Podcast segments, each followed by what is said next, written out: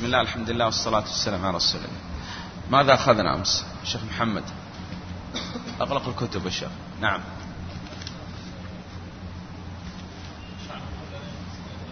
نعم. هل شرع من قبلنا شرع لنا أم لا؟ قال الأول في تفصيل. الجواب في تفصيل. أولا ما جاء في شرعنا أنه حق وصدق فهذا يجب علينا أن نصدقه مثاله؟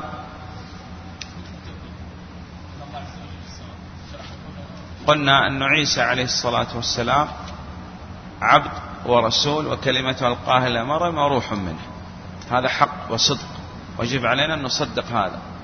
الثاني ما جاء في شرعنا أي نعم يخالف ما جاء عنهم.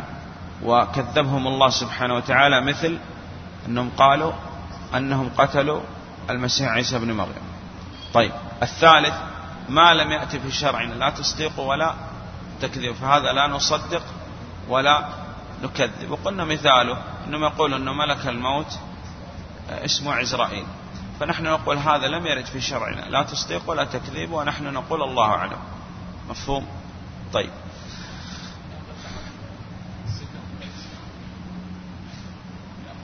نعم؟ لا غيره. نعم. نعم. عناصر الدلالة والإفهام قلنا هذه إذا اجتمعت في كلام وجب أي نعم أن يصدق هذا الكلام ويقبل. وهذه اجتمعت في كلام الله وكلام الأنبياء والرسل عليهم الصلاة والسلام. وهذا فيه حجة في الرد على المخالف. فإذا جاك إنسان وقال فلان قال كذا وكذا وكذا تقول تعال. نأتيك بعناصر الدلالة. هل هذه موجودة في كلام هؤلاء وليست موجودة في كلام الله؟ لابد أن يثبت أن هذه العناصر موجودة في كلام الله وكلام الأنبياء والرسل عليهم الصلاة والسلام. إذا لابد نترك كلام المتهوكين والحيارى والصابئ وغيرهم. نعم وهي أربعة. الأول العلم. طيب الثاني الصدق. والثالث البيان والفصاحة. والرابع أضافه الشيخ بن عثيمين رحمه الله إرادة الهداية. وهذا سوف يأتي معنا أيضا إن شاء الله في الحموية بإذن الله تعالى. نعم غيره. نعم الشيخ. آه، لماذا قال بما وصف ولم يقل بما سمى وصف به نفسه؟ قال إما أن كل اسم متضمن لصفة أو أي نعم أن ما أنكر أحد الأسماء إلا غلاة الجهمية. غلاة الج... غلا... يسموهم غلاة الغلاة. صحيح؟ هم أنكر أنكر منهم من ينكر حتى الأسماء. طيب. نعم. نعم بعض الإيمان بالله لأن الإيمان بالله يتضمن الإيمان بربوبيته وألوهيته وأسمائه وصفاته وجوده وهذا من الإيمان بالأسماء والصفات. نعم. التأويل. نعم. يأتي بمعنى التفسير ومنها قول ابن جرير الطبري رحمه الله تأويل هذه الآية قال اتفق أهل التأويل أو كذا. الثاني أي نعم قال ما يؤول إليه الشيء إذا كان خبر أن يقع وإذا كان طلب أن يعمل به. نعم قال الثالث صرف اللفظ عن ظاهره وهذا ينقسم إلى قسمين. صحيح مقبول وفاسد مردود. صحيح مقبول ما دل عليه دليل. فاسد مردود ما لم يدل عليه دليل. وقلنا الأولى أن نسمي هؤلاء بالمؤولة أم بماذا؟ بالمحرفة. نعم متقدم معنا. طيب نعم. ليس كمثله شيء. قلنا سوف أتينا إن شاء الله شرح هذه الآية لكن الآن نريد أن نعرف أن فيها ثلاث قواعد. القاعدة الأولى الإثبات والقاعدة الثانية التنزيه والقاعدة الثالثة طريقة القرآن التفصيل في الإثبات والإجمال في النفي. نعم. ولا يقاس بخلقه قال إلا قياس واحد مستعمل في حق الله هو قياس الأولى. كل صفة كمال فالله سبحانه وتعالى أولى أن يوصف بها وكل صفة نقص وعيب فالله سبحانه وتعالى أولى أن ينزه عنها. ثم رسل عليهم الصلاة والسلام. صادقون؟ عناصر الدلالة والإفهام. وقلنا صادقون ومصدوقون أو مصدقون إما أن الله سبحانه وتعالى صدقهم وقلنا قول وفعل وتقرير أو يجب على أقوامهم تصديقهم. نعم. بسم الله. بسم الله الرحمن الرحيم. قال شيخ الإسلام ابن تيمية رحمه الله تعالى في العقيدة الواسطية وهو سبحانه قد جمع فيما وصف وسمى به نفسه بين النفي والإثبات. بسم الله الحمد لله والصلاة والسلام على رسول الله. قال الكمال لا يمكن أن يكون إلا بالجمع بين النفي والإثبات. والله سبحانه وتعالى جمع فيما سمى وصف بنفسه بين النفي والإثبات. مثاله قال لو تقول زيد قائم. أثبتت القيام لزيد صحيح؟ لكن هذا لا يعني أن غير زيد مشارك لزيد في القيام صحيح؟ نعم. لكن لو قلت لا قائم إلا زيد أثبتت القيام لزيد ونفيت أن يكون مع زيد مماثل أو مساوي له في القيام صحيح؟ نعم. وبهذا يحصل قال الكمال. إذا الكمال لا يكون إلا بالنفي والإثبات. والله سبحانه وتعالى جمع فيما سمى وصف به نفسه بين النفي والإثبات. لا إله إلا الله. الله لا إله إلا هو قال الحي القيوم. وتقدم معنا أن طريقة أهل السنة والجماعة في الصفات المنفية أولا نفي عن الله كما نفى عن نفسه كما نفى عنه رسوله صلى الله عليه وسلم. الثاني إثبات كمال الضد لأن النفي المحض ليس بكمال. وهذه القواعد سوف يكررها إن شاء الله. آه، شيخ الإسلام في الحموية والتدمرية. أن الكمال لا يمكن يتم إلا بالجمع بين النفي والإثبات التخلية قبل التحلية. مفهوم؟ نعم. لكن على ما جاء في الكتاب والسنة النفي لابد يتضمن إثبات كمال الضد. وقد جمع فيما سمى وصف بنفسه بين النفي والإثبات. فلا عذور إذا لا يمكن أهل السنة أن يحيدوا عما جاء في الكتاب والسنة لأنهم في هذا هم متبعين.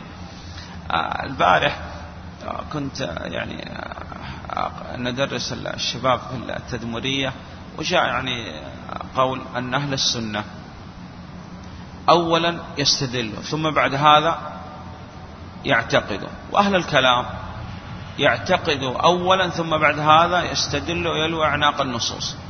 فكان رجل يعني أنا استعجبت من هذا الرجل. هذا من تونس.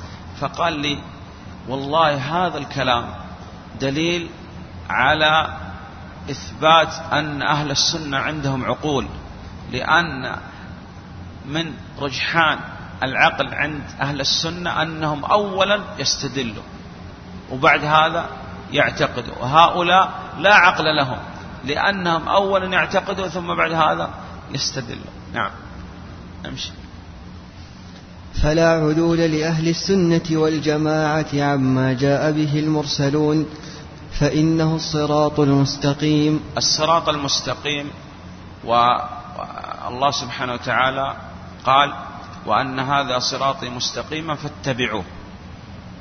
صراط مهيأ مذلل متسع لكل أحد. وصفه بأنه مستقيم وصراط واحد. لا ثاني له. وهذا هو أقرب طريق موصل إلى الله. وغير الطرق الملتوية لا يمكن بها الوصول إلى الله سبحانه وتعالى على رأس كل شيء كطريق شيطان. طيب. قال وأن هذا صراطي مستقيما فاتبعوا ولا تتبعوا السبل فتفرق بكم عن سبيله.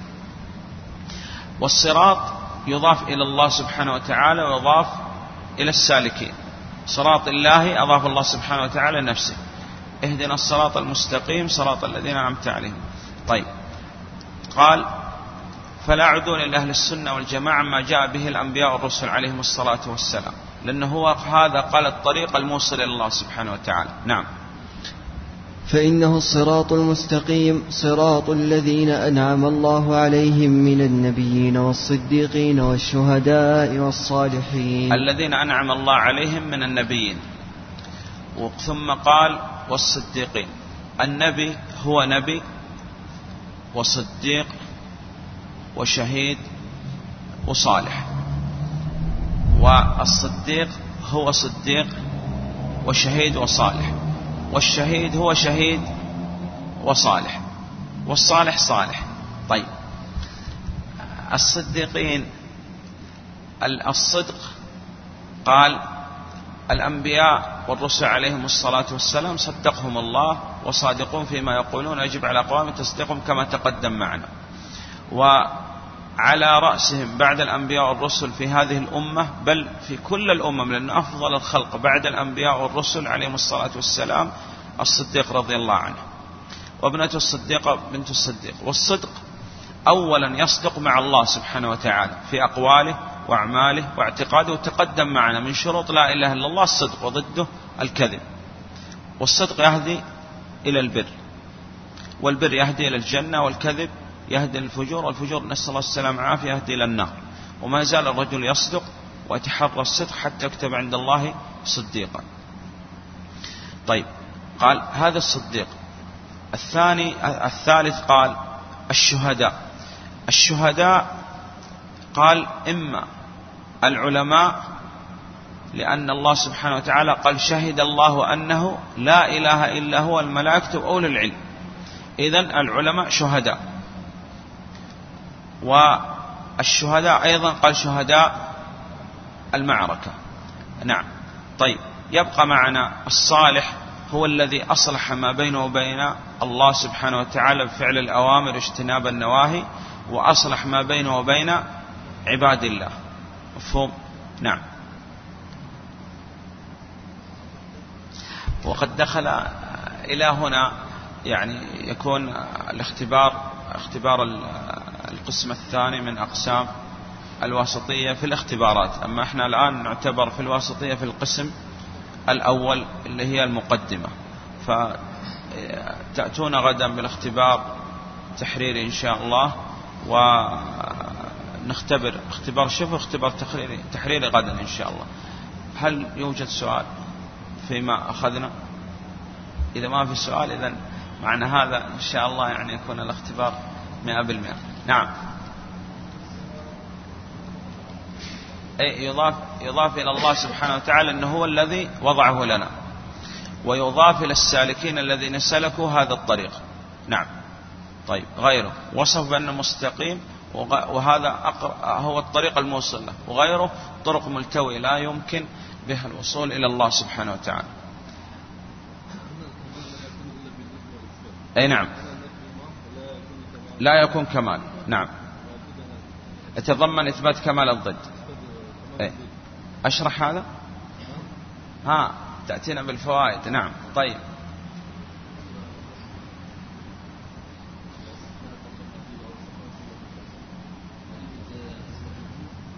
ما أسمع أسماء. الأسماء كلها تتضمن صفات والصفات ثبوتية. لكن قد مثال اسم الله السلام اسم صح؟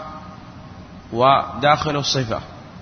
ويتضمن صفة منفية أنه السالم والمنزع عن كل نقص وعيب. وهذا اللي ذكره الشيخ بن عثيمين رحمه الله في في القول المفيد في باب لا قال السلام على الله اسم ثبوتي ويتضمن أيضا تنزيه الله سبحانه وتعالى عن كل نقص وعيب وهو قريب يقول من معنى اسم الله سبحانه وتعالى القدوس. نعم. إذا لا يمكن يا أخي اسمع معي. كل اسم من أسماء الله لابد يتضمن صفة ثبوتية. نعم. ما أدري.